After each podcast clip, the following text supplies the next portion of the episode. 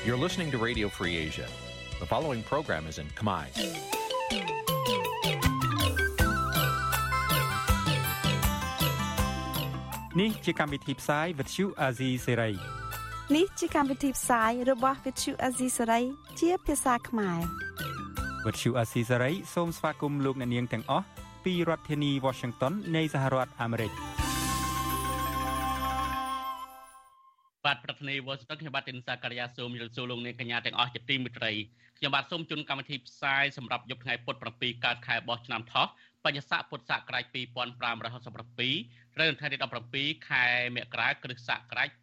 2024បាទជាដំបូងនេះសូមជម្រាបលោកអ្នកកញ្ញាស្ដាប់ព័ត៌មានប្រចាំថ្ងៃដែលមានមេត្តាដូចតទៅ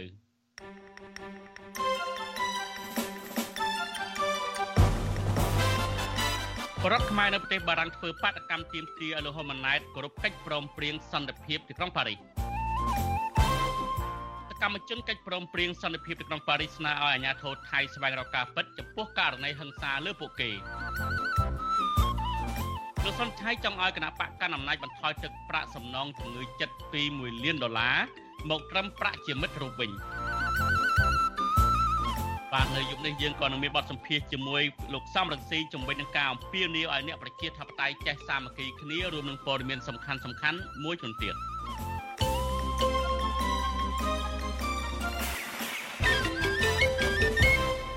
បាទលោកនេះទីមិត្តរីជាបន្តទៅនេះខ្ញុំបាទសូមជូនព័ត៌មានពិស្ដាបាទលោកនេះទីមិត្តរី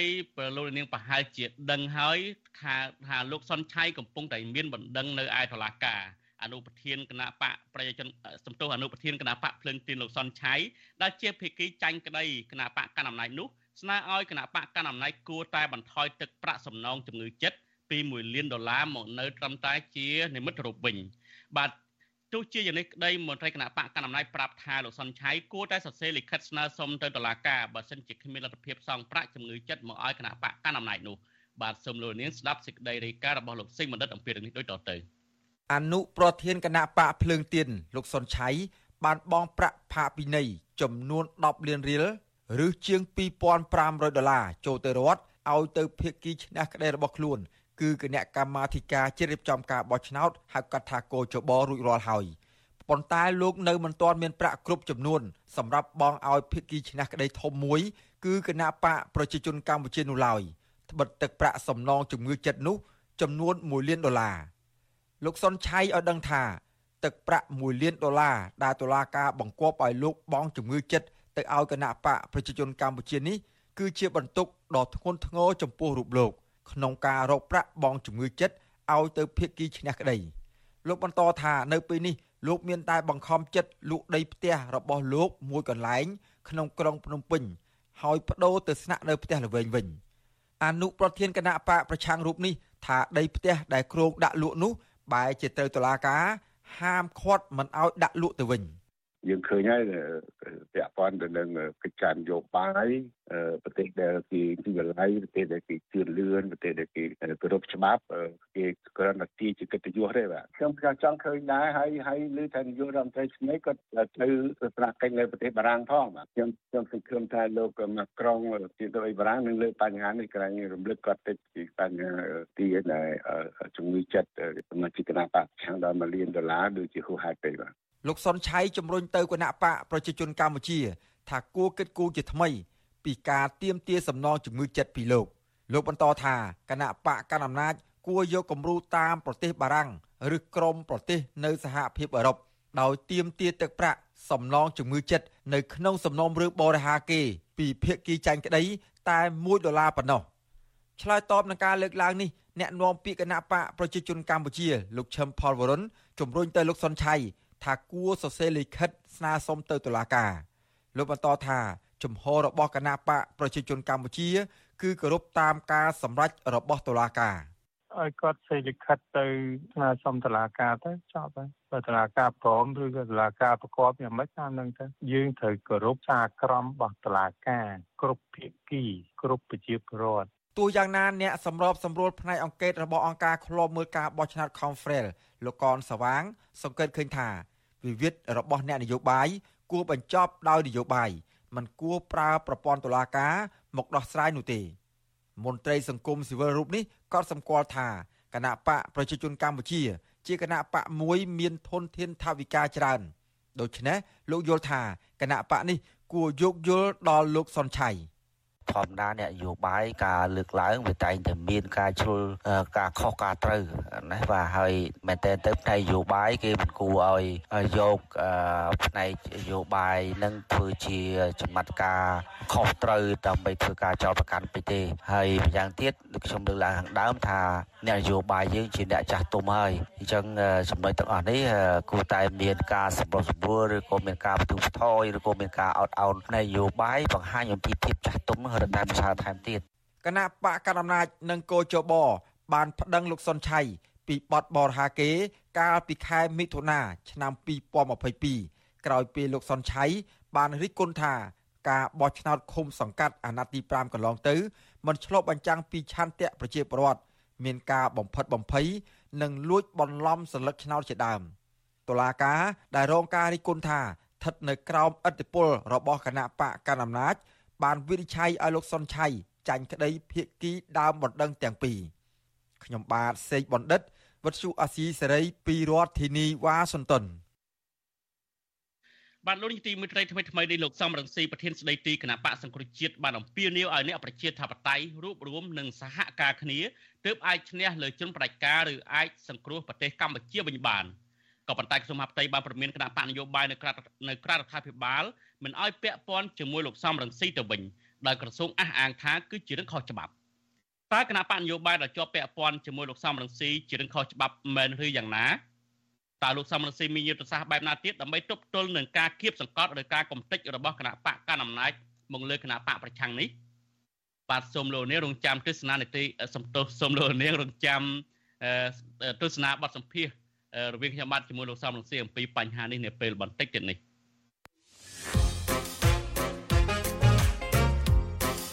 ស្រុកខ្មែរឥឡូវនេះយើងហាក់បីដូចជាណាបាទយើងបើកទូរទស្សន៍មើលយើងមើលតាម YouTube យើងមើលតាម Facebook អីហ្នឹងគឺគេឃើញតែគេផ្សាយគ្រឿងសង្វឹងបាទស្រាបៀរហើយនិងទឹក energy drink ភេសជ្ជៈបើកម្លាំងភេសជ្ជៈបើកម្លាំងហើយបើសិនជាយើងអ្នកឯនាយសមុទ្រនេះបើសិនជាពូបើកមើល TV YouTube Facebook ហ្នឹងថាគិតថាប្រទេសកម្ពុជាឥឡូវនេះគេលែងញ៉ាំទឹកអីហើយគេក្រៅពីបៀហើយនឹងទឹកបើកម្លាំងហ្នឹង ពួកខ្ញុំទាំងអស់គ្នាយើងមើលឃើញអំពីភាពអណោយអធមនៃប្រជាពលរដ្ឋកម្ពុជាយើងដែលនាំគ្នាពិសាគ្រឿងសង្វឹងហើយមិនមែនសុកសុកគាត់ទៅពិសាគ្រឿងសង្វឹងហ្នឹងទេដោយសារតែបរិយាកាសរបស់សង្គមយើងអំណោយផលហើយជំរុញលើកទឹកចិត្តឲ្យពលរដ្ឋខ្លួនឯងទៅអឺប្រើប្រាស់គ្រឿងសង្វឹងហ្នឹងច្រើនហើយមិនមែនតែគ្រឿងសង្វឹងទេសម្បូរបែបទៅដោយភេសជ្ជៈបើកម្លាំងផងដែរទាំងអស់ហ្នឹងអត់ដែរផ្ដល់ភាពវិជ្ជមានដល់អ្នកប្រើប្រាស់ឯបើសូម្បីតែខ្ញុំខ្លួនឯងផ្ទាល់ក៏មិនដែរនឹកគិតថានឹងទៅប្រើប្រាស់វា ដើម្បីបើកម្លាំងអីដែរព្រោះខ្ញុំគិតថាដូចជាកាត់អាយុខ្លួនឯងម្ដងបន្តិចម្ដងបន្តិចដែរ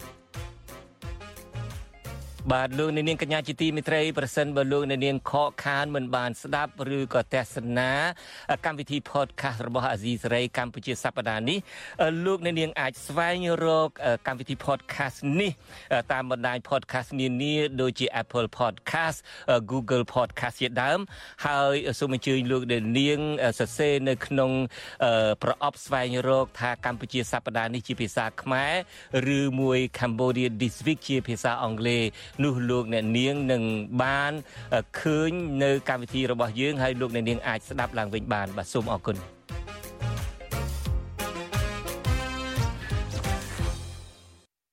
បាទលោកនាងទីមេត្រីខ្ញុំសូមជូនដំណឹងល្អមួយចុះលោកនាងបានឃើញលោកជុនចិត្តបត់ហើយនេះគឺជាកម្មវិធីថតទុកមុនលោកវះកាត់ហើយឥឡូវហ្នឹងស្ថានភាពជំងឺរបស់លោកបានល្អប្រសើរពីមួយថ្ងៃទៅមួយថ្ងៃបន្តិចម្ដងបន្តិចម្ដងហើយហើយសង្ឃឹមថាលោកនឹងអាចវិលមកអឺ ផ្សាយព័ត៌មានជលនាងនៅក្នុងពេលឆាប់ឆាប់នេះបានលោកនាងទីមេត្រីនៅពេលបន្តិចទៀតនេះលោកថាថៃក៏នឹងមានបទសម្ភាសជាមួយក្រុមបាតកោនៅឯប្រទេសបារាំងដែលទៀមទាឲ្យលោកហ៊ុនម៉ាណែតនៅក្នុងពេលដែលលោកនឹងជួបមេដឹកនាំរដ្ឋាភិបាលបារាំងនៅថ្ងៃស្អែកនេះទៀមទាឲ្យគោរពនៅកិច្ចព្រមព្រៀងសន្តិភាពក្នុងប៉ារីសដែរបាទមុននឹងលោកនាងស្ដាប់បទសម្ភាសលោកថាថៃនៅពេលបន្តិចទៀតនេះ សូមលោកនាងមកស្ដាប់សេចក្តីរាយការណ៍មួយទៀតរបស់លោកមានរិទ្ធដែលក្រមសហជីពអាយក្រិចលើកឡើងថាការជំរុញរបស់រដ្ឋមន្ត្រីក្រសួងការងារឲ្យបរដ្ឋនិងស្ថាប័នពាក់ព័ន្ធផ្សព្វផ្សាយនិងលើកតែពីចំណុចវិជ្ជមានរបស់កម្ពុជានៅលើឆាកអន្តរជាតិនោះនិងមិនអាចតាក់ទាញអ្នកវិនិយោគសុចរិតមកវិនិយោគនៅកម្ពុជាបានឡើយពួកគាត់ថាការមានតែការគោរពសិទ្ធិនិងការការពារផលប្រយោជន៍ឲ្យកម្មករប៉ុណ្ណោះទើបធ្វើឲ្យកម្ពុជាមានកេរ្តិ៍ឈ្មោះល្អនិងទទួលបានការវិនិយោគ បាទសូមលោកនាងស្ដាប់សេចក្តីរាយការណ៍របស់លោកមានរដ្ឋអំពីរឿងនេះដូចតទៅថ្នាក់ដឹកនាំសហជីពកម្មករលើកឡើងថាការជំរុញឲ្យនិយាយពីរឿងវិជ្ជមានរបស់កម្ពុជាលើឆាកអន្តរជាតិគឺជាការបញ្ចុះបញ្ចូលឲ្យសហជីពនិងកម្មករនិយាយភូតកុហកគណៈរដ្ឋាភិបាលកម្ពុជាមិនទាន់ដោះស្រាយបញ្ហាវិវាទការងារនិងលើកស្ទួយជីវភាពរបស់កម្មករឲ្យបានល្អប្រសើរនៅឡើយនោះ អនុប្រធានសហជីពអំណាចយុវជនកម្ពុជាប្រចាំរោងចក្រ Starlight Apparel លោករស់សម្បូរប្រាប់វិសុវស៊ីស្រីនៅថ្ងៃទី17ខែមករាថាកម្មករអាចលើកឡើងពីរឿងវិជ្ជមានទាំងនោះបានលុះត្រាតែក្រសួងកាងារធ្វើការប្រកបដោយតម្លាភាពជាមុនសិន លោកយល់ថាអ្នកវិនិយោគដែលស្អាតស្អំចេះវាតម្លៃពីស្ថានភាពរបស់កម្ពុជាដោយខ្លួនឯងហើយមិនចាំបាច់ឲ្យរដ្ឋាភិបាលបង្គាប់បញ្ជាឲ្យពលរដ្ឋខ្លួនឯងនិយាយបំភ្លើសដែលខុសពីទស្សនវិជ្ជាជាក់ស្ដែងនោះឡើយ យើងចង់បានការវិនិយោគមកដើម្បីឲ្យកម្មករយើងមានការងារធ្វើច្រើនតែសូមឲ្យខាងតកែហ្នឹងគាត់គោរពច្បាប់ការងាររបស់កម្ពុជាផងតែចំណុចខ្លះគាត់អនុវត្តទៅគឺវាអត់ត្រូវជាមួយច្បាប់ទៅជាមួយច្បាប់ទំនំតសូមឲ្យខាងរដ្ឋាភិបាលក៏ដូចជារដ្ឋមន្ត្រីក្រសួងការងារសូមឲ្យគាត់យកចិត្តទុកដាក់ជាមួយកម្មករសូមតាមតែពេលមកដល់សិលឹកឆ្នោតអីបានចោះមកជួបអីចឹងសូមឲ្យគាត់យកចិត្តទុកដាក់ឲ្យចូលការគាត់ការមុនបោះឆ្នោតចឹង ការលើកឡើងនេះគឺបន្ទាប់ពីរដ្ឋមន្ត្រីក្រសួងកាងារនិងបណ្ដុះបណ្ដាលវិជ្ជាជីវៈលោកហេងសួរបានថ្លែងនៅក្នុងសិក្ខាសាលាត្រីភិក្ខីផ្ដល់សុពលភាពថ្នាក់ជាតិស្ដីពីកម្មវិធីការងារសម្រុំប្រចាំប្រទេសកម្ពុជា ឆ្នាំ2024ដល់ឆ្នាំ2028កាលពីថ្ងៃទី16ខែមករា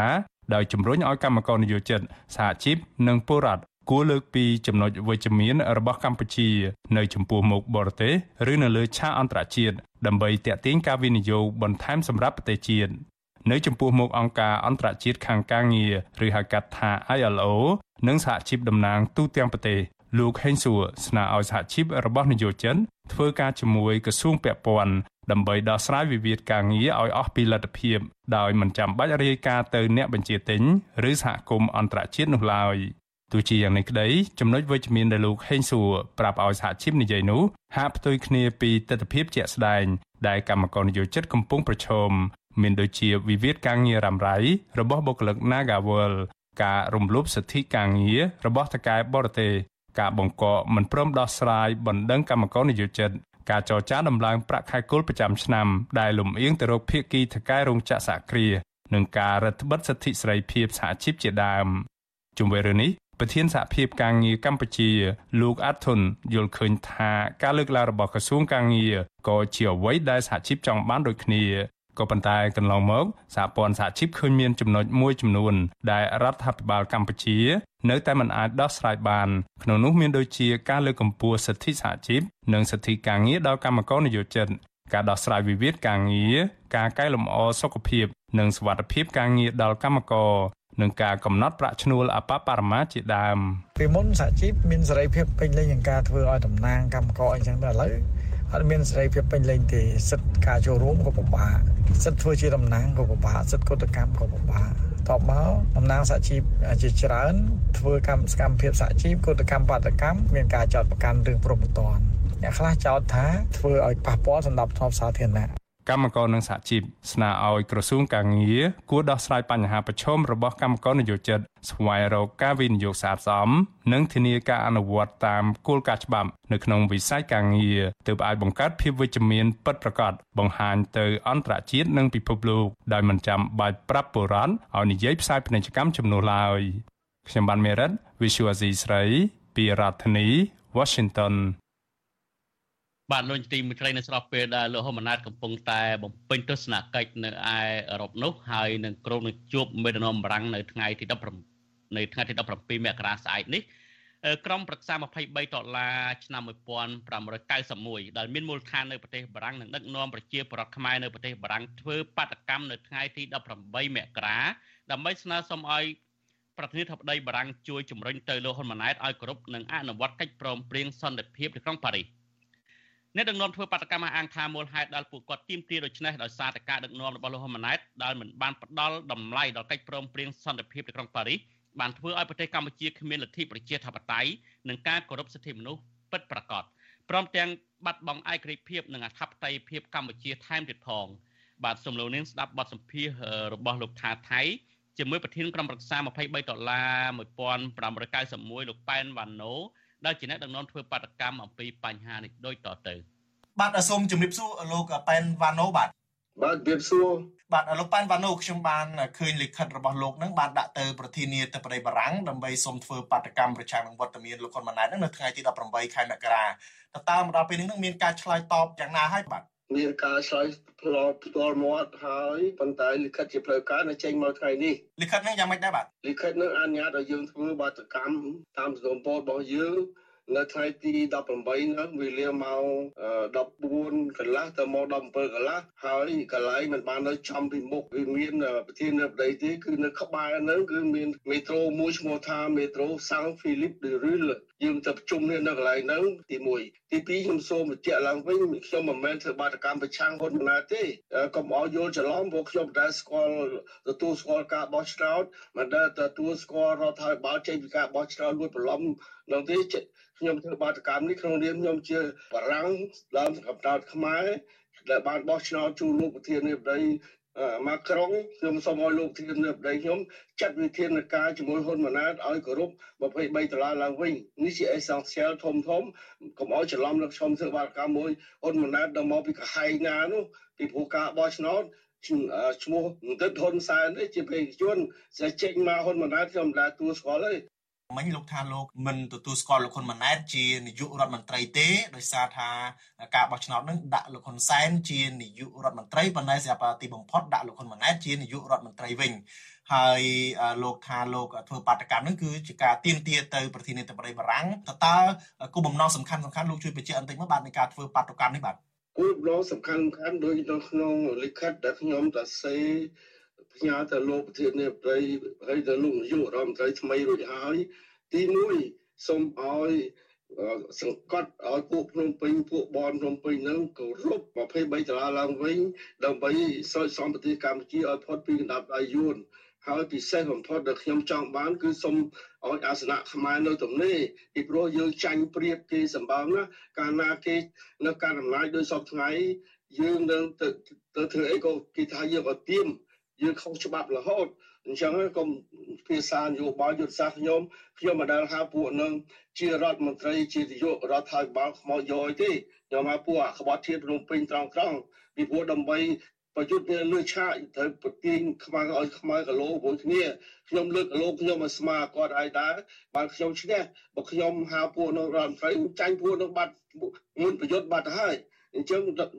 ឈ្មោះទៅរកទៀមទីអាសនៈនៅទំនេរពីព្រោះកាលណាពួកនោះនៅជាឋានៈជារដ្ឋាភិបាលយើងទទួលស្គាល់វាដល់ខ្ចីលុយគេអត់ឈប់អត់ឈរវាកាន់មកតង់អាណាក៏ខ្ចីលុយអាណាអ្នកសងគឺខ្មែរយើងអ្នកសងជើងគោលដល់ធំរបស់ខ្ញុំមានប្រជុំបាយថ្ងៃក្រោយខ្ញុំរមមេធាវីអន្តរជាតិទាមទារឲ្យស្រុកខ្មែរជាឯករាជ្យត្រឹមត្រូវទើបសមឋានៈជាសមាជិកអង្គការសហប្រជាជាតិ តែប៉ុណ្ណឹងមានអ្វីទៀតទេពីឲ្យការគោរពសិទ្ធិមនុស្សដោះលែងអ្នកទូនយោបាយទាំងអស់ខ្ញុំអត់មានបណាទេតែខ្ញុំសូមឲ្យដោះលែងម្នាក់នយោបាយម្នាក់សកាដែលចាប់ដាក់គុកចៅចៅអត់ដីកាអីជាពលយុទ្ធធរខ្លាំងណាស់សូមអង្គការសិទ្ធិមនុស្សទាំងអស់ជួយដោះស្រាយរឿងបញ្ហាសិទ្ធិមនុស្សដែលកាន់តែធ្ងន់ធ្ងរឡើងក៏និយាយពាក្យយួនមកចាប់ដាក់គុកហើយយួននោះខ្ញុំប្រើតាមពីកើតមកខ្ញុំមិនដែលប្រើវៀតណាមប្រើតែយួនតាមពីដើមមកតើគម្រោងបដកម្មរបស់លោកនេះ នឹងមានអ្នកចូលរួមប្រមាណអ្នកដែរតើខ្ញុំសង្ឃឹមមានដូចច្រើនហើយអ្នកដែលចូលរួមគឺអត់មានអ្នកណាបកណាទេគឺយើងរឿងជាតិតែមួយមុខហើយគណៈបកសំស៊ីបានទេរបស់ខ្ញុំបន្តបន្តគេនឹងមកចូលរួមយ៉ាងសកម្មដូច្នេះខ្ញុំថាមានមនុស្សច្រើនគួរសមមិនអត់មិនអត់មនុស្សទេបាទ អញ្ចឹងបើទោះបីជាខាងក្រមលោកសំរងស៊ីប្រកាសថានឹងមិនដឹកនាំធ្វើបាតកម្មដោយបែរទៅដាក់លិខិតទៅប្រធានាធិបតីបារាំងកុំឲ្យចាញ់បោកលោកហ៊ុនម៉ាណែតហ្នឹងក៏ខាងគណៈបកប្រឆាំងហ្នឹងនឹងមកចូលរួមជាមួយក្រមលោកដែរបាទខ្ញុំបានជួបផ្ទាល់ហើយពួកគណៈបកប្រឆាំងគេឲ្យគ្នាគេមកដូចធម្មតាគឺអត់លោកប្រធានតែប៉ុណ្្នឹងទេអ្នកសមាជិកសកម្មជនគ្រប់តំបន់ពីខេត្តពីលីយ៉ុងពីណាគ្រប់ យ៉ាងទាំងអស់ឲ្យតែមានក្រុមគេទៅគេមកចូលរួមហើយមានលោកហ៊ីឡននៅបែលហ្សិកក៏មកចូលរួមដែរបាទយើងពីមានទ្រង់លីណា លោកប៉ាន់វ៉ាណូខ្ញុំក៏បានឃើញលិខិតរបស់លោកដែលដាក់ទៅខាងអាជ្ញាធរបារាំងដើម្បីធ្វើបាតកម្មទៅប្រធានាធិបតីបារាំងហើយនឹងការលើកឡើងរបស់លោកមុននេះគឺថាការធ្វើបាតកម្មនេះគឺដើម្បីទាមទារឲ្យលោកហ៊ុនម៉ាណែតនឹងអនុវត្តឲ្យបានត្រឹមត្រូវតាមកិច្ចព្រមព្រៀងសន្តិភាពទីក្រុងប៉ារីសដោយសារថាកិច្ចព្រមព្រៀងនេះគឺធានានៅសន្តិភាពស្ថិរភាពនយោបាយនិងឯករាជ្យភាពរបស់កម្ពុជា ហើយក៏ទាមទារឲ្យប្រធានាធិបតីបារាំងនឹងកោះប្រជុំសន្និសីទអន្តរជាតិទីក្រុងប៉ារីសនឹងឡើងវិញដើម្បីពិនិត្យមើលការវិវត្តនៅស្ថានភាពនយោបាយនៅក្នុងប្រទេសកម្ពុជាបាទក៏ដូចជាលោកមើលឃើញថាមានភាពមិនប្រក្រតីរួមមានការ ដែលមានវត្តមានយោធាចិននៅកម្ពុជា រួមទាំងទាមទារឲ្យមានការលុបចោលរាល់កិច្ចព្រមព្រៀងទ្វេភាគីរវាងរដ្ឋកម្ពុជានិងវៀតណាមពីឆ្នាំ1979ដល់ឆ្នាំ1991ជាដើមក្រៅពីនឹងទេលោកក៏ទាមទារឲ្យមានការអន្តរាគមន៍ជាមួយអគ្គលេខាធិការអង្គការសហជីវជាតិដើម្បីឲ្យអាសនៈកម្ពុជានឹងនៅទំនេរបដិអាសន្នដោយសារថាមេដឹកនាំកម្ពុជានឹងមិនតំណាងឲ្យខ្មែរពិតប្រាកដទេបាទតើលោកយល់ថាការទៀមទារបស់លោកនេះអាចទទួលបានលទ្ធផលទេបាទ សូមជម្រាបថាយើងកម្លាំងទ័ពអត់មានអីតទល់ទេមានកម្លាំងច្បាប់ច្បាប់គឺ23ដុល្លារនៅហើយដែលមានឲ្យដល់ឲ្យសន្តិភាពខ្មែរបានរយៈពេលហើយសំខាន់មានចំណុច2នៅក្នុងនោះដែលសូមចាប់អារម្មណ៍បងប្អូនអស់និងមតិអន្តរជាតិត្រូវដឹង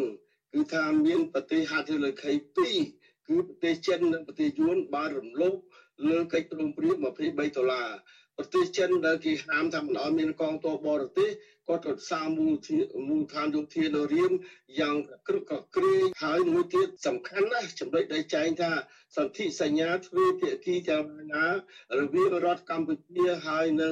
វៀតណាមពីឆ្នាំ1949ដល់91ទុកជាមួយខៈសំខាន់ខ្លាំងណាស់ ប៉ុន្តែมันបានគោរពទេគេទៅជាធ្វើអត់សិទ្ធិសញ្ញាបំពេញបន្ថែមយើងបាត់កោះត្រល់ហើយព្រំដែនខ្មែរដែលបញ្ជាក់ថាមានតម្កល់ទុកនៅអង្គការសហប្រជាជាតិក៏គេបានរំលោភគេធ្វើកាយវិត្រាឋានអ៊ីសេលនោះមកយកដីដីខ្មែរសែងចិត្តគេប្រខិតព្រំដែនសែងចិត្តកន្លែងនោះហើយដែលមហាអំណាចទាំងអស់ជាពិសេសសហប្រធានសង្ស័តក្រុងប៉ារីសមានប្រទេសបារាំងនិងឥណ្ឌូនេស៊ីនេះគួរតែសាររើឡើងវិញ បើអស់លោកមិនសាររើមានណាទៅសាររើបានហើយហ៊ុនសែនម្នាក់ឯងក៏ស្អីថាសន្ធិសញ្ញានឹងងាប់ងាប់មកយកឲ្យងាប់តែម្នាក់ឯងហ្នឹងបើហាត់ថាខែទាំង18គេអត់ថាងាប់ផងក៏ថាងាប់ម្នាក់ឯងហើយខ្មែរយើងជាជឿដែរខ្ញុំឆ្ងល់តែឆ្ងល់មែនទែន ហើយវាយក7មករាមកធ្វើបុណ្យជាតិចំណែកថ្ងៃ23ដុល្លារវាលោកចោលតាម20ពេលថ្ងៃ7មករាបានអីខ្លះមកបានតែការនាំទួបយួន100,000អ្នកចូលស្រុកខ្មែរបានតែក5បានបន្សល់ទុកនៅស្រីមេម៉ាយកូនកព្រានិងជនពិការរាប់សែននាក់នៅកម្ពុជាជាស្នាដៃពលមករាហើយវានាំបពុលខ្មែរអរគុណមករាអរគុណវាទៀតកន្លែងនោះសូមបងប្អូនភ្នាក់ រឿង23ដុល្លារត្រូវតែរស់ឡើងវិញជាដាច់ខាតដើម្បីជួយខ្មែរមានរបបតាយតែមួយនោះទេការរៀបបង្កើតខ្ញុំត្រូវតែតស៊ូតាមផ្លូវហ្នឹងពីព្រោះបើថាយើងចាប់ត្រូវឆ្នោតយើងមិនទិញឆ្នោតអត់កើតទេខ្ញុំត្រូវតែទិញឆ្នោតហ្នឹ ងឆ្នោតត្រូវតែទិញបងប្អូនជួយទិញជាមួយខ្ញុំនឹងឈ្នះបើឲ្យខ្ញុំទិញអ្នកឯងអត់ឈ្នះទេបាទជាចុងក្រោយតើលោកមេសាអ្វីបាទខ្ញុំឆ្លៀតឱកាសនេះមួយថៃតាមរយៈវិទ្យានេះខ្ញុំសូមអំពាវនាវបងប្អូនមករួមឲ្យបានច្រើនច្រើនជាអតិបរមាសម្បត្តិសូមអរគុណទុកចំនួនបាទបាទសូមអរគុណលោកប៉ាន់វ៉ាណូដែលបានផ្ដល់បទសម្ភាសន៍ដល់វិទ្យុអាស៊ីសេរីនៅពេលនេះបាទសូមជម្រាបលាបាទអរគុណច្រើនមួយថៃអរគុណច្រើនជួបគ្នាទៀតណា បាទលោកនេះទៅបានស្ដាប់បទសម្ភាសន៍រវាងលោកថាថៃនិងលោកប៉ែនវ៉ាណូដែលជាប្រធាន20ប្រធានក្រុមប្រឹក្សា23ដុល្លារឆ្នាំ1991ដែលទាមទារឲ្យលោកហ៊ុនម៉ាណែតគ្រប់កិច្ចព្រមព្រៀងសន្តិភាពនៅក្រុងប៉ារីសក្នុងពេលដែលលោកហ៊ុនម៉ាណែតគ្រោងនឹងជួបមេដឹកនាំបារាំងនៅថ្ងៃទី18មករាស្អែកនេះបាទលោកនាងជាទីមេត្រីជាបន្តទៅទៀតនេះខ្ញុំបាទនឹងសម្ភាសអាដាមសំស៊ីដែលជាប្រធានស្ដីទីគណៈបកសង្គ្រោះជាតិ ហើយដោយសារអាដាមកំពុងរវល់យើងភ្ជាប់លោកតាមទូរស័ព្ទខ្ញុំបាទសូមជម្រាបសួរអាដាមសំស៊ីបាទជម្រាបសួរលោកទីនសក្តិយាបាទអរគុណណាស់ដែលអាដាមស្ទិតពេលចូលរួមផ្ដល់បទសម្ភាសន៍នៅពេលនេះអាដាមមុននឹងខ្ញុំសួរតាក់ទងនឹងរឿងដែលលិខិតពីវនីរបស់អាដាមឲ្យអ្នកប្រជាធិបតេយ្យរួបរวมគ្នានេះខ្ញុំចង់សួរដល់ខ្លីទេតើនៅថ្ងៃស្អែកហ្នឹងអាដាមនឹងចូលរួមធ្វើបាតកម្មជាមួយលោកប៉ែនវ៉ាណូដែរឬក៏យ៉ាងណាបាទខ្ញុំដឹងថាខ្មែរនឹងចូលរួមយ៉ាងច្រើន ដើម្បីបង្ហាញរដ្ឋាភិបាលបារាំងជាពិសេសលោកប្រធានាធិបតីម៉ាក្រុងថាលោកប្រធានាធិបតីម៉ាក្រុងទទួលលោកហ៊ុនម៉ាណែតនេះគឺខុសហើយពីព្រោះលោកហ៊ុនម៉ាណែតមិនមែនតំណាងប្រជារាស្ត្រខ្មែរទេគឺគាត់ជាមួយឪគាត់លោកហ៊ុនសែនបានប្លន់អំណាចពីប្រជារាស្ត្រខ្មែរដូច្នេះគាត់គ្មានសិទ្ធិអីនិយាយក្នុងនាមប្រជារាស្ត្រខ្មែរទេ ហើយរដ្ឋាភិបាលបារាំងដែលទៅចាប់ដៃជាមួយហ៊ុនសែនម្ដងហើយកាលពីឆ្នាំ2002ឥឡូវមកចាប់ដៃជាមួយហ៊ុនម៉ាណែតឆ្នាំ2024នេះគឺធ្វើអញ្ចឹងគឺធ្វើបាបប្រជារាស្ត្រខ្មែរទេពីព្រោះលោកហ៊ុនម៉ាណែតដូចលោកហ៊ុនសែនកាលពីឆ្នាំ2022គឺគាត់បានដៃគាត់ថាឥឡូវរដ្ឋាភិបាលបារាំងរាប់អានគាត់ ឲ្យតម្លៃគាត់ដល់គាត់វិលទៅប្រទេសកម្ពុជាវិញគាត់ធ្វើបាបប្រជារាស្ត្រខ្មែរកាន់តែខ្លាំងជាងមុនទៀតបាទអាដាមកាលនោះគឺលោកហ៊ុនសែនថែមទាំងអួតអាងថាលោកម៉ាក្រុងនឹងគឺជាបងប្អូនធរនឹងលោកថែមទៀតផងហេតុអីបានជាដែលអាយដាមជាសញ្ជាតិបារាំងផងហើយប្រដ្ឋខ្មែរយើងមួយចំនួនធំមានសញ្ជាតិបារាំងផងហេតុអីបានជាលោកម៉ាក្រុងចាប់ដៃជាមួយលោកហ៊ុនសែនដែលគេរិះគន់ថាជាមេដឹកនាំប្រជាការទៅវិញនោះបាទ ពីព្រោះប្រធានាធិបតីបារាំងមិនមែនតែ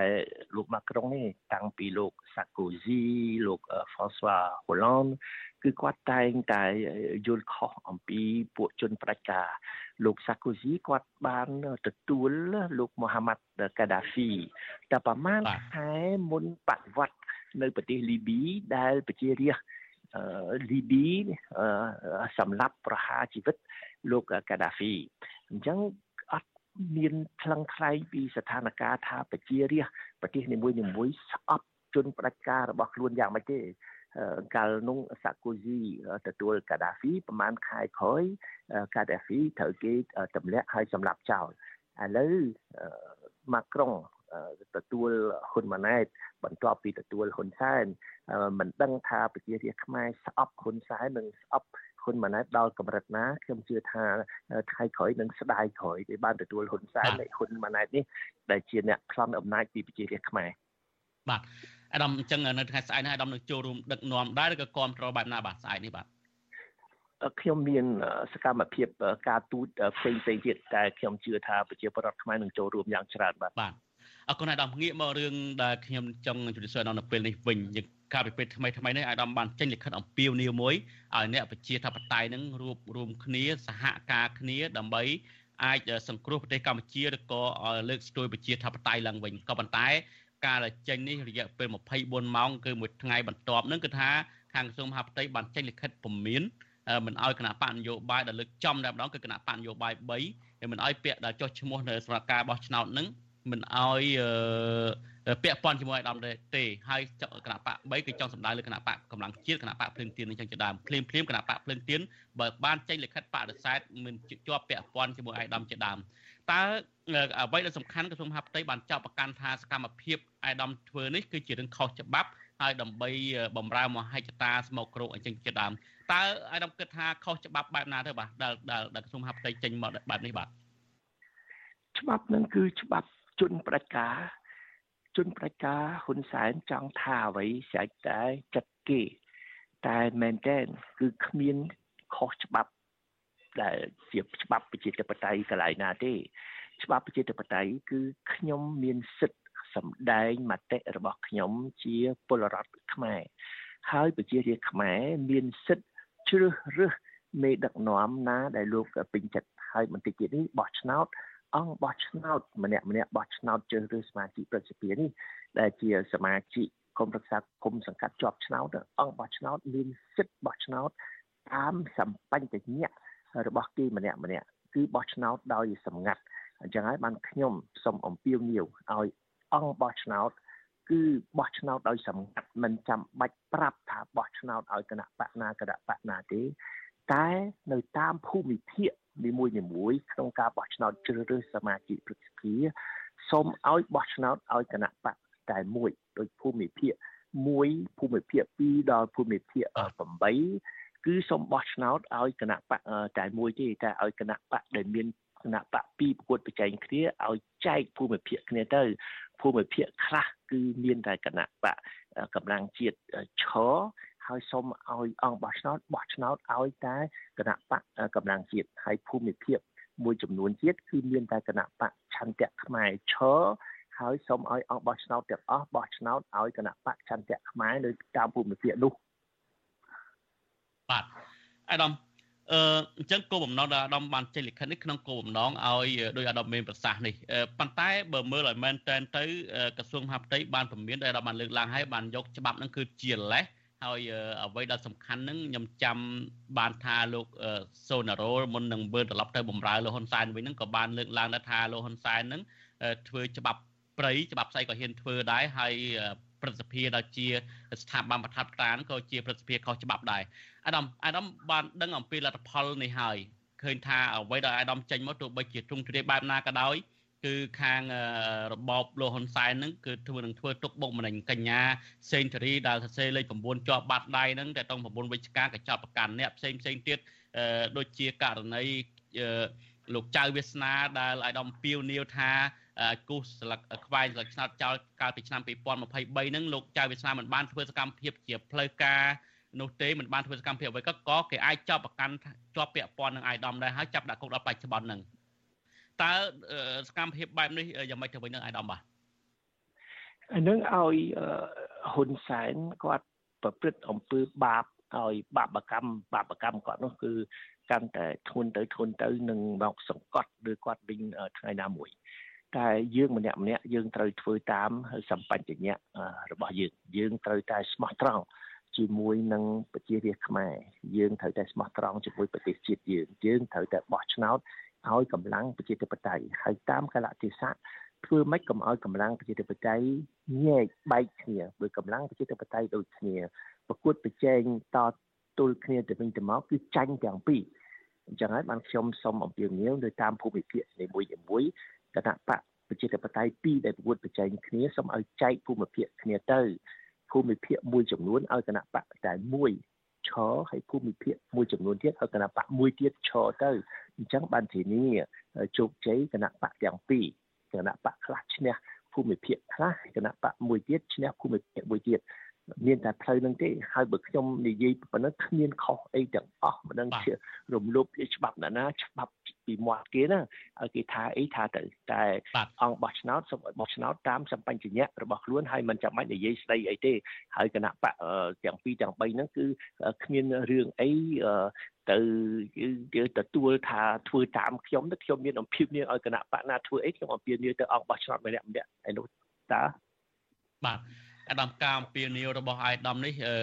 ត្រូវបាន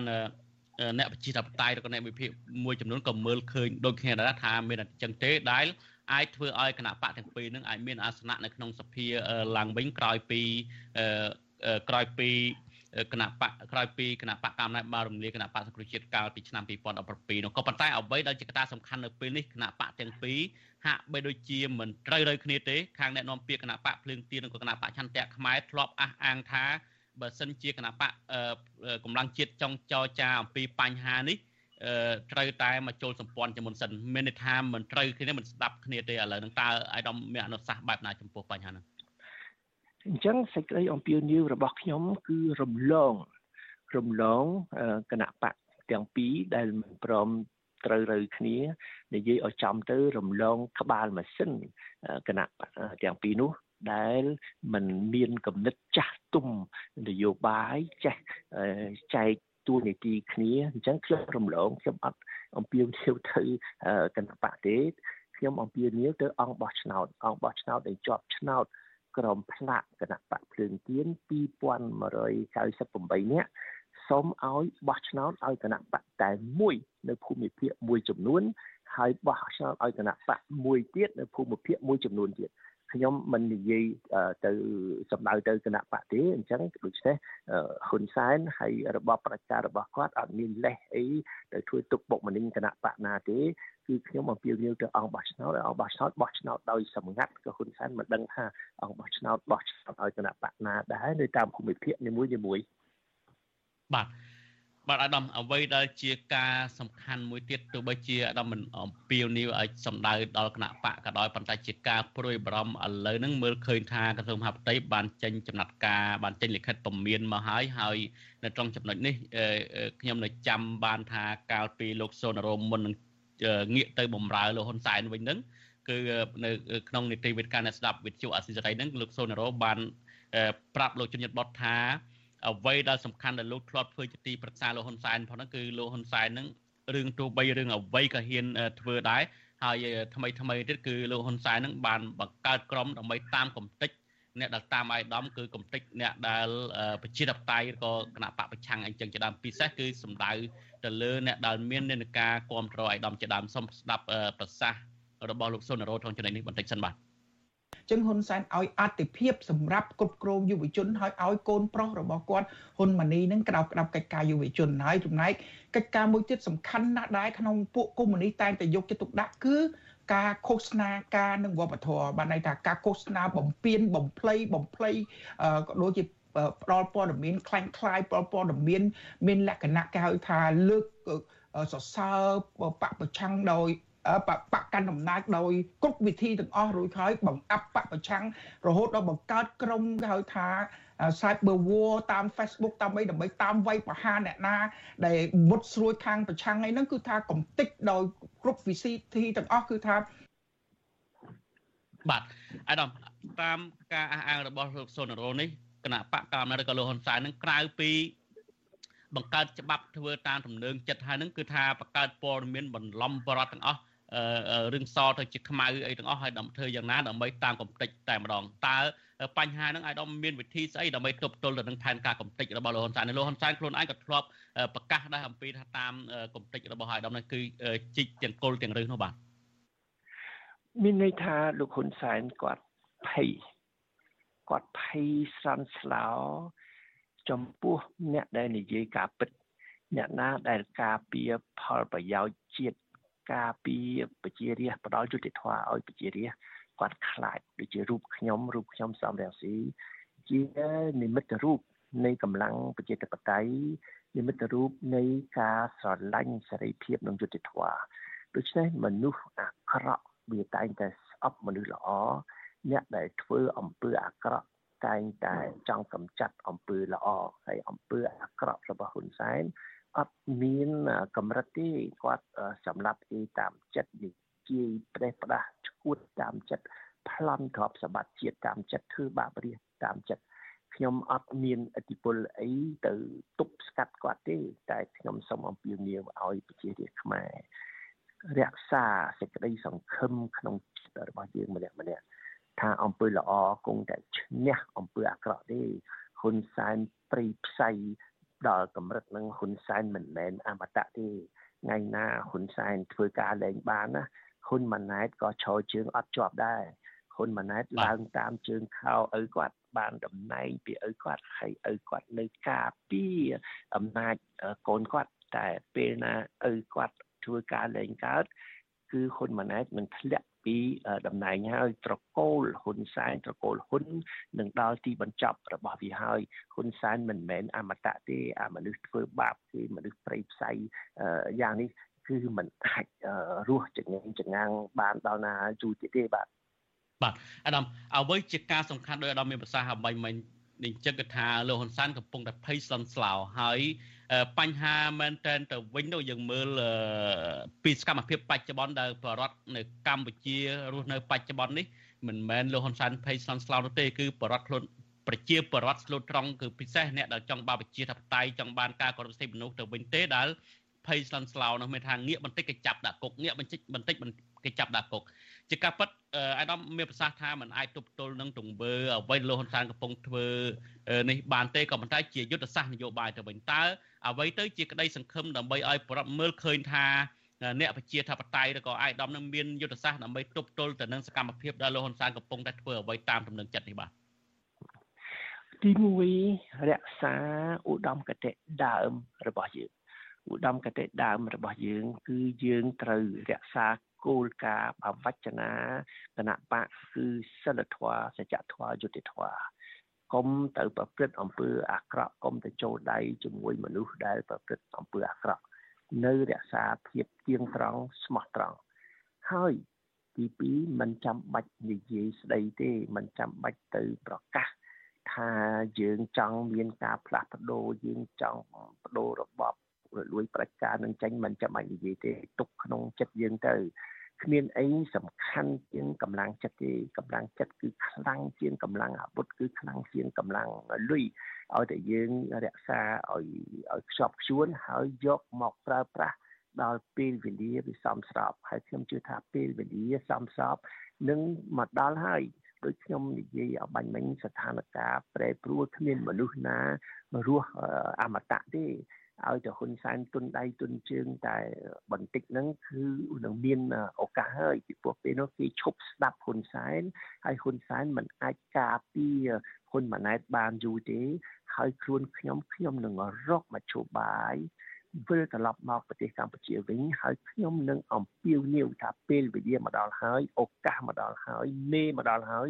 សូមឲ្យប្រជារាស្ត្រខ្មែរងើបឈរព្រមគ្នា ហើយសូមអំពាវនាវឲ្យកងកម្លាំងប្រដាប់អាវុធ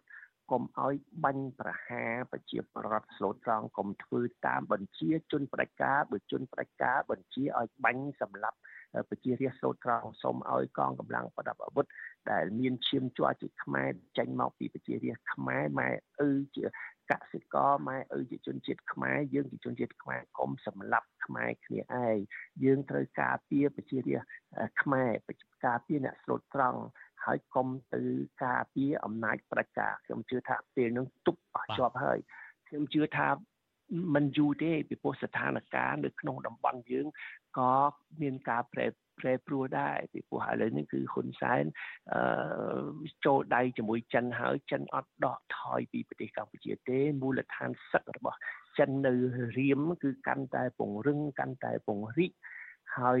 នឹងមានប្រតិកម្មអន្តរជាតិហើយមិនឲ្យប្រទេសចិនយកប្រទេសកម្ពុជាធ្វើ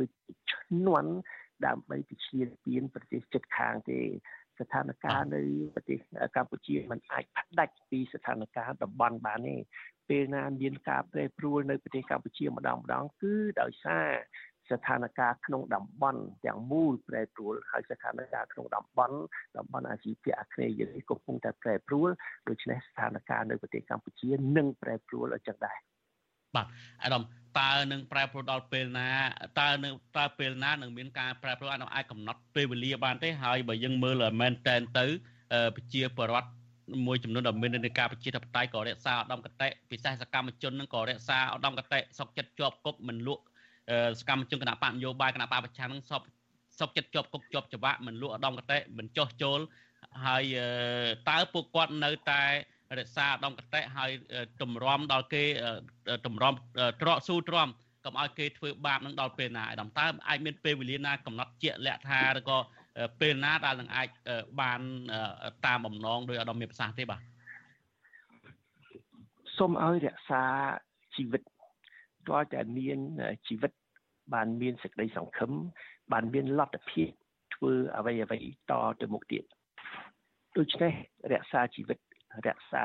សុខភាពរបស់យើងរក្សាលទ្ធភាពតស៊ូទៅថ្ងៃមុខ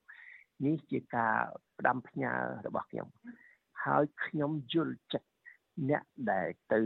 ចោះចូលគេបង្ខំឲ្យទៅចោះចូលគណៈបកហ៊ុនសែនខ្ញុំយល់ចិត្តថា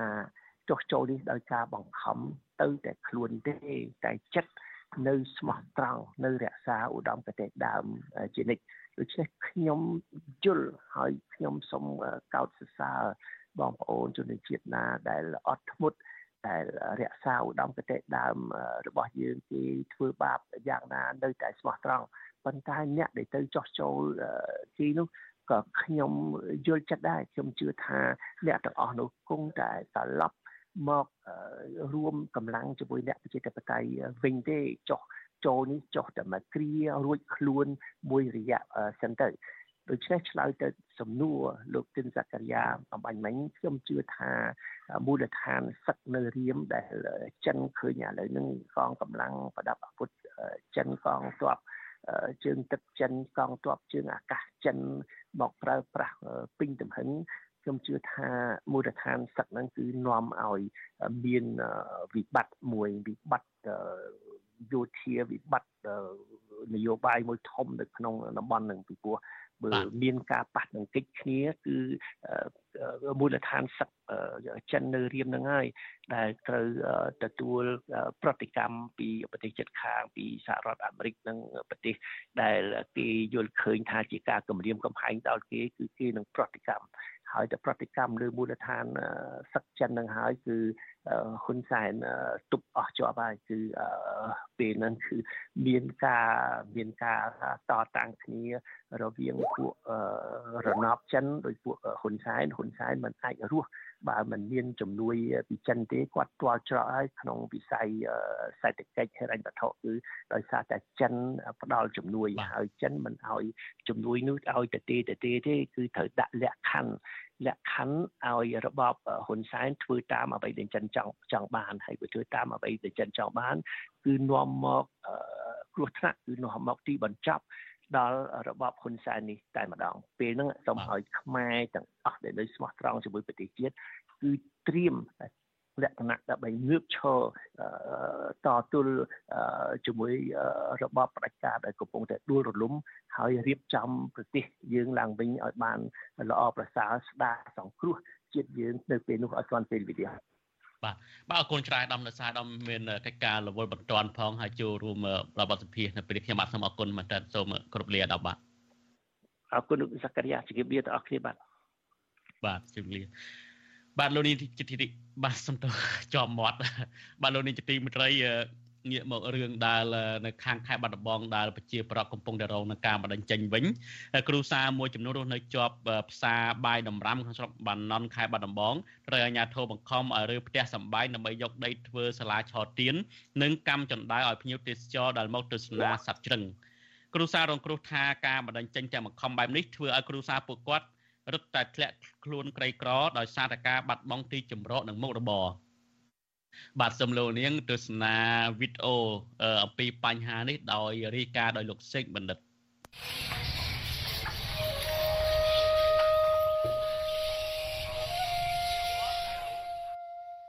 សំលេងសัตว์ជ្រឹងបនលើឡើងខណៈព្រះអាទិត្យកំពុងរៀបលិច នៅក្បែរគល់ស្ពានបាយដំរាំ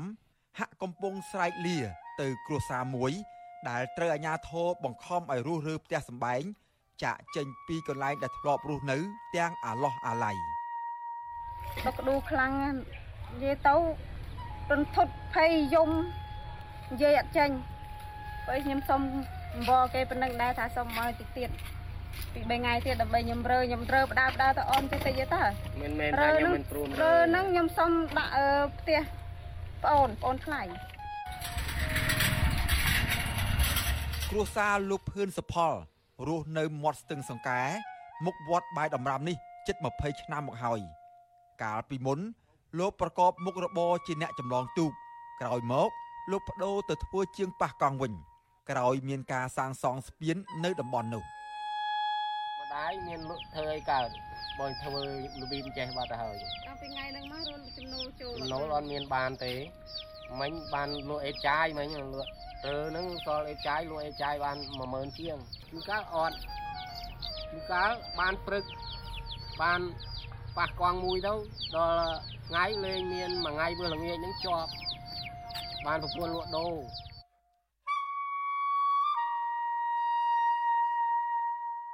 អញ្ញាធរស្រុកបាណន់និងប្រជាការពារប្រមាណជាង30នាក់កាលពីថ្ងៃទី11មករាបានបញ្ជាឲ្យអាជីវករនៅផ្សារបាយដំរាំ រុះរើតូបនិងទូតាំងលក់អីវ៉ាន់យ៉ាងតក់ក្រហល់ដើម្បីយកដីធ្វើសាលាឆទៀននិងកម្មចដាឲ្យភ្ញៀវទេសចរដែលមកទស្សនាសត្វជ្រឹងតែទោះយ៉ាងណាផ្ទះមួយចំនួន ដែលនៅជាប់ផ្ទះលោកភឿនសផល គឺផ្ទះរបស់មេឃុំបាយដំរាំ គឺលោកងងឆាន់លីមិនត្រូវបានអាជ្ញាធរបង្គាប់ឲ្យរុះរើនោះទេហើយពេលនោះលោកសុផលមកចាស់ផ្ទះនេះ គាត់ថាបើចឹងគាត់រើតែគាត់សុំស្រុកជួយរកដីឲ្យគាត់នៅមួយកន្លែងផងព្រោះគាត់អត់មានដីទេគាត់ថាដីនឹងព្រៃឆ្ងាយទៅណាក៏ដោយឲ្យតែបានជាកម្មសិទ្ធិគាត់គាត់ទៅនៅ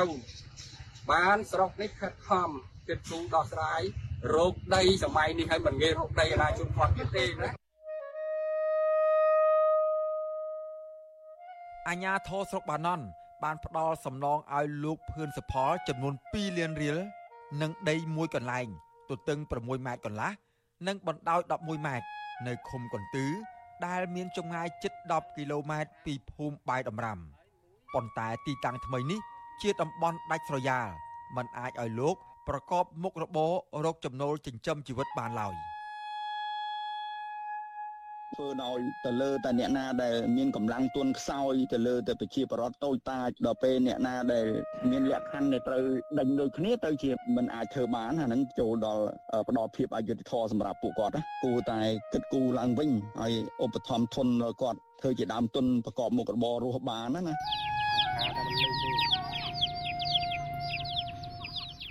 លោកភឿនសុផលថាការរុះរើផ្ទះភ្លាមភ្លាមបែបនេះ ប្រៀបបានទៅនឹងការវិលត្រឡប់ទៅកាន់អតីតកាលនៅពេលចាក់ចេញពីរបបខ្មែរក្រហមយ៉ាងដូចនេះដែរព្រោះលោកត្រូវចាប់ផ្ដើមជីវិតដោយដៃទទេសារជាថ្មីម្ដងទៀតខ្ញុំបាទសេកបណ្ឌិតវិទ្យុអាស៊ីសេរីពីរដ្ឋធានីវ៉ាស៊ុនតោន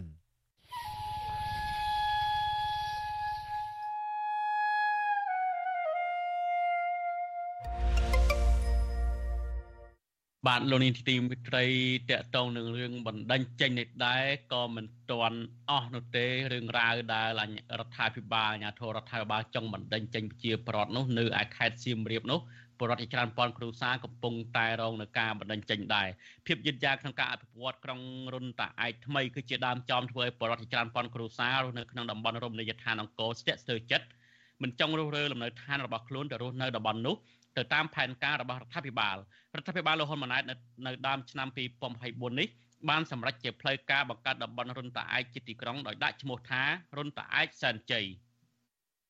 តែទោះជាយ៉ាងណាបរដ្ឋដែលរស់រើផ្ទះសម្បែងចេញពីតំបន់អង្គរទៅតាមទីទៅតាំងទីលំនៅក្នុងក្រុងរុនតាឯកនៅមិនទាន់មើលឃើញក្តីសង្ឃឹមពីការបង្កើតក្រុងថ្មីនេះនៅឡើយទេដោយពួកគាត់នៅតែត្អូញត្អែពីជីវភាពលំបាកនិងគ្មានការងារធ្វើដល់បន្ត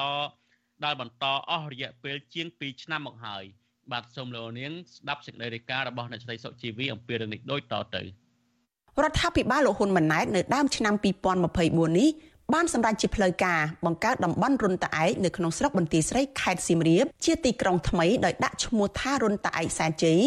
គឺនៅ2ឆ្នាំក្រោយពេលដែលអតីតនាយករដ្ឋមន្ត្រីលោកហ៊ុនសែនធ្លាប់បានសន្យាថារដ្ឋាភិបាលនឹងកែប្រែរុនតាឯកពីតំបន់ជនបទ ឲ្យទៅជាទីក្រុងតាក់ទាញភ្ញៀវទេសចរបើទោះជាយ៉ាងណាមកដល់ពេលនេះទីក្រុងថ្មីដែលមិនទាន់ឃើញរូបរាងនៅឡើយឬមានតែការសន្យានោះហាក់មិនបានធ្វើឲ្យអ្នកស្រុកអង្គរដែលត្រូវអាជ្ញាធរបង្ខំឲ្យរើទៅនៅទីនោះមានទំនុកចិត្តថានឹងជួយអាជីវភាពរបស់ពួកគាត់បានប្រសើរជាងពេលបច្ចុប្បន្ននេះឡើយពលរដ្ឋដែលផ្លាស់ប្ដូរទីលំនៅទៅរស់នៅតំបន់នោះមានតិចតួចនៅឡើយដោយសារតែពលរដ្ឋខ្លះ បានសង់ផ្ទះទុកចោលគ្មានមនុស្សរស់នៅ និងពលរដ្ឋខ្លះទៀតទុកដីទំនេរចោលហើយវិលត្រឡប់ទៅធ្វើការនៅក្រុងសៀមរាបវិញពលរដ្ឋដែលបានរើផ្ទះទៅតំបន់រុនតាឯកលោកអ៊ុចម៉ៅប្រាប់វិទ្យុអាស៊ីសេរីនៅថ្ងៃទី17ខែមករាថាពលរដ្ឋរាប់ពាន់គ្រួសារដែលផ្លាស់ទីលំនៅចេញពីតំបន់អង្គរទៅរស់នៅក្រុងរុនតាឯកភ្នាក់ច្រើនគ្មានការងារធ្វើខ្លះធ្វើចំណាក់ស្រុកនិងខ្លះទៀតជួលបន្ទប់ស្នាក់នៅក្នុងក្រុងសៀមរាប លោកថាពេលនេះរដ្ឋាភិបាលបានអភិវឌ្ឍហេដ្ឋារចនាសម្ព័ន្ធមានសាលារៀនផ្លូវភ្លើងអគ្គិសនីនិងផ្សារជាដើម នៅក្នុងក្រុងរុនត្អែកបានប្រមាណ60%ហើយក៏ប៉ុន្តែពលរដ្ឋនៅទីនោះ នៅតែត្អូញត្អែពីការលំបាកក្នុងការសម្របខ្លួនរស់នៅ និងពិបាករកប្រាក់ចំណូលផ្គត់ផ្គង់ជីវភាព។ នៅទីនេះដេញធ្វើអីផងណាបងកាត់មករស់នៅថ្មីផងដេញទៅធ្វើអីរស់កាត់មកនៅឯនេះនេះក៏ដេញភូមិសាស្ត្រដូចថាមកនៅទីទីក្រុងមកនៅព្រៃទៅគាត់ដេញទៅរស់ស៊ីអីណាបងណាជោគការរបស់រឿងខ្វះការងារធ្វើអីបងអើយវិទ្យុអាស៊ីសេរីនៅមិនទាន់អាចតេតតងแนะនាំពីអាជ្ញាធរជាតិអប្សរាលោកឡុងកុសលនិងអភិបាលខេត្តសៀមរាបលោកប្រាក់សុភ័ណ្ឌបាននៅឡើយទេនៅថ្ងៃទី17ខែមករាដោយទូរស័ព្ទហៅចូលច្រើនដងតែគ្មានអ្នកលើក ក៏ប៉ុន្តែលោកឡុងកុសលប្រាប់វិទ្យុអាស៊ីសេរីកាលពីចុងឆ្នាំ2023ថាបច្ចុប្បន្នពលរដ្ឋរស់នៅតំបន់រុនតាឯកអាចនឹងពិបាកបន្តិចក៏ប៉ុន្តែអ្វីដែលសំខាន់គឺនៅថ្ងៃអនាគតពលរដ្ឋនឹងទទួលបានផលច្រើនពីវិស័យទេសចរនិងគម្រោងអភិវឌ្ឍទីក្រុងថ្មីរបស់រដ្ឋាភិបាលលោកបន្ថែមថាអាជ្ញាធរកំពុងរៀបចំកិច្ចការងារជំរុញជីវភាពរស់នៅរបស់ពលរដ្ឋឲ្យប្រសើរឡើង។ គោលនយោបាយដែលរដ្ឋបាលបានឧបត្ថម្ភជូនគាត់យើងក៏រៀបចំនៅផែនការសកម្មភាពកិច្ចការមួយចំនួនដើម្បីបង្កើននៅសកម្មភាពទេសចរអីនៅក្នុងដែរយើងមិនមិនបង្ហើយកន្តើយទេក្នុងកិច្ចការនេះក្នុងពេលឥឡូវនេះយើងអាចនិយាយហាក់បីដូចតែថាលំបាក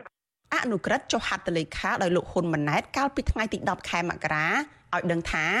ក្រុងថ្មីនៅតំបន់រុនតាឯកនេះមាន2សង្កាត់ គឺសង្កាត់រុនតាឯកនិងសង្កាត់បាឡាំងដែលបានកាត់ចេញពីឃុំរុនតាឯកនៃស្រុកបន្ទាយស្រី និងឃុំបាឡាំងពីស្រុកប្រាសាទបាគងរបាយការណ៍របស់អាជ្ញាធរខេត្តសៀមរាបឲ្យដឹងថាមកដល់ពេលនេះមានពលរដ្ឋជាង4000គ្រួសារហើយ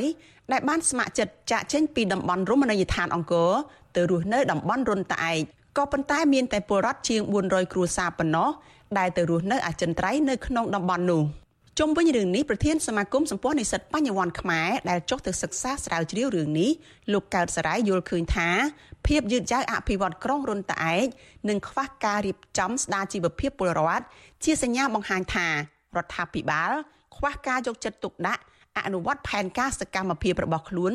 ដោយការសន្យានៅចំពោះមុខពលរដ្ឋ មានត្រូវតែបញ្ឈប់ការជំលះប្រជាពលរដ្ឋពីតំបន់ផ្សេងផ្សេងដាក់ចូលទៅក្នុងតំបន់រំតែសិនដើម្បីអីដើម្បីយើងយកពេលវេលារៀបចំប្រជាពលរដ្ឋចាស់សិនធ្វើយ៉ាងណាឲ្យប្រជាពលរដ្ឋចាស់ហ្នឹងគឺធ្វើឲ្យប្រកបថាពួកគាត់មានជីវភាពមានការហូបចុកមានការងារធ្វើត្រឹមត្រូវសិនណាបើសិនជានៅតែមានជូនអ្នកថ្មីទៅជាបន្តបន្តទៀតទេខ្ញុំថាវាមិនត្រឹមតែមិនអាចដោះស្រាយបញ្ហាប្រជាពលរដ្ឋនៅតំបន់នឹងបានទេថែមទាំងដាក់បន្ទុកហើយយូរយូរទៅតំបន់នឹងអាចនឹងវិវត្តទៅជាតំបន់អនាធិបតេយ្យកាលពីថ្ងៃទី14ខែវិច្ឆិកាឆ្នាំ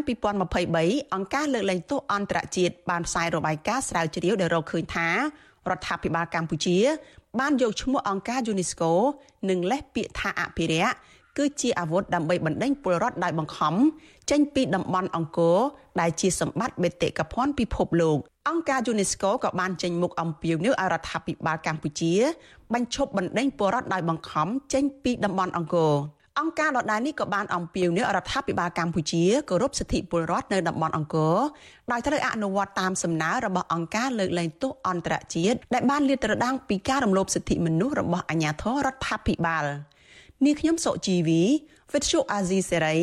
ពីរដ្ឋធានី Washington បានលោកទីមិត្តរីព័ត៌មានចុងក្រោយដែលវិទ្យុអាស៊ីសេរីទៅទទួលបាននៅពេលនេះគឺលោកស្រីសំសុខាដែលធ្លាប់យកស្បែកជើងគប់លោកហ៊ុនសែននិងលោកហេងសំរិននោះឥឡូវនេះបានទៅដល់ប្រទេសកាណាដាហើយលោកស្រីសំសុខាបានឆ្លងកាត់ការធ្វើទុកបុកម្នេញជាបន្តបន្ទាប់ក្នុងពេលស្នាក់នៅនឹងសុំសិទ្ធិច្រកកោនជាជនភៀសខ្លួននៅឯក្នុងប្រទេសថៃបាទលោកស្រីសំសុខាប្រាប់វិទ្យុអសិរ័យថាលោកស្រីនិងកូន2នាក់បានទៅដល់ប្រទេសកាណាដាកាលពីថ្ងៃទី12មករា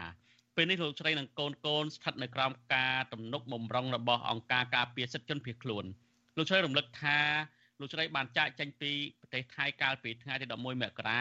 ដែលជាដំណើរដ៏កក់ដែលជាដំណើរដ៏តក់ក្រហល់មួយគឺធ្វើឡើងនៅក្រៅពេលអាជ្ញាធរថៃកាលពីចុងខែធ្នូឆ្នាំ2023បានចាប់ខ្លួនលោកស្រីនិងមនុស្ស9នាក់ដាក់ឃុំផ្សេងទៀតលោកស្រីសំសុខាថាលោកស្រីនៅតែចងចាំជាប់ជានិច្ចពីការជិះចាប់ដល់លោកស្រីជួបប្រទះ ការធ្វើទុកបុកម្នេញសពបែបយ៉ាងដែលអាជ្ញាធរបានធ្វើលើរូបលោកស្រីនៅក្រៅពេលលោកស្រីបានយកស្បែកជើងគប់លើរូបលោកហ៊ុនសែននិងលោកហេងសំរិនប៉ុន្តែមកទល់ពេលនេះលោកស្រីថាអ្វីដែលលោកស្រីនៅតែបន្តជឿចាប់ក្នុងចិត្តនោះគឺការធ្វើបាបទៅលើបរដ្ឋស្លូតត្រង់អ្នកស្រឡាញ់សេរីភាពនិងប្រជាធិបតេយ្យនេះនៅតែបន្តមិនទាន់បញ្ចប់នៅឡើយក្រៅពីការឆ្លងកាត់ការជាប់ ឃុំឃាំងក៏ដូចជារឿងរ៉ាវដែលខ្ញុំបានជួបប្រទះមកគឺខ្ញុំឃើញប្រជាពលរដ្ឋកម្ពុជាយើង គឺគាត់ជួបជួបនឹងភាពលំបាកលើសខ្ញុំរាប់រយដងចាស់លើសខ្ញុំរាប់រយដង នៅពេលដែលខ្ញុំឃើញទស្សនវិជ្ជាបែបហ្នឹងវាធ្វើឲ្យខ្ញុំកាន់តែឈឺខ្ញុំកាន់តែក្លាហានខ្ញុំនៅតែមិនបោះបង់នៅឆន្ទៈរបស់ខ្ញុំដដែល បាទជាមួយគ្នានេះលោកស្រីសំសុខាប្រកាន់ចំហថានឹងនៅតែជួយឈឺឆ្អាលដល់អ្នកស្រឡាញ់សេរីភាពនិងស្រឡាញ់ប្រជាធិបតេយ្យបន្តទៀតទោះបីជាលោកស្រីបានមកដល់ទីសុវត្ថិភាពហើយក៏ដោយលោកស្រីសំសខាបានជាប់ពន្ធនាគារអស់រយៈពេល4ឆ្នាំទៅតាមសារក្រមតុលាការខេត្តកំពង់ស្ពឺកាលពីឆ្នាំ2018ដោយសារយកស្បែកជើងគប់លើស្លាកគណៈបកប្រជាជនកម្ពុជាដែលមានរូបលោកហ៊ុនសែននិងលោកហេងសំរិនកាលពីឆ្នាំ2017 អញ្ញាធរដ្ឋាភិបាលលហ៊ុនសែនបានតាមចាប់ខ្លួនស្ត្រីមេម៉ាយជាអតីតកម្មកររោងចក្ររូបនេះដល់ប្រទេសថៃនិងបញ្ជូនទៅដាក់ពន្ធនាគារនៅកម្ពុជាកាលពីខែកុម្ភៈឆ្នាំ2018លោកស្រីមានសេរីភាពឡើងវិញកាលពីខែកុម្ភៈឆ្នាំ2022ក្រោយពេលអនុវត្តទោសគ្រប់ចំនួននិងសងសំណង10លានរៀលបន្ទាប់ពីនោះលោកស្រីបានភៀសខ្លួនសំសិទ្ធច្រកកោននៅក្នុងទឹកដីថៃបាទលោកនេះជាទីមេត្រីស្ទាក់តងនឹង រឿងរ៉ាវរបស់លោកស្រីសំសុខានេះខាងវិទ្យុអសិរ័យនឹងតាមដានបន្តទៀតអំពីការរស់នៅជីវិតថ្មីការតាំងទីលំនៅថ្មីនៅឯប្រទេសកាណាដានេះបាទលោកនាងជាទីមេត្រីការផ្សាយរបស់វិទ្យុអសិរ័យក៏ដល់ទីបញ្ចប់ទៅហើយដែរខ្ញុំបាទសូមអរគុណចំពោះភក្ដីភាពលោកនាងដែលតែងតែទស្សនាការផ្សាយរបស់វិទ្យុអសិរ័យជារៀងរាល់ថ្ងៃហើយសូមលោកនាងកុំភ្លេចតាមដានការផ្សាយកម្មវិធីរបស់យើងនៅព្រឹក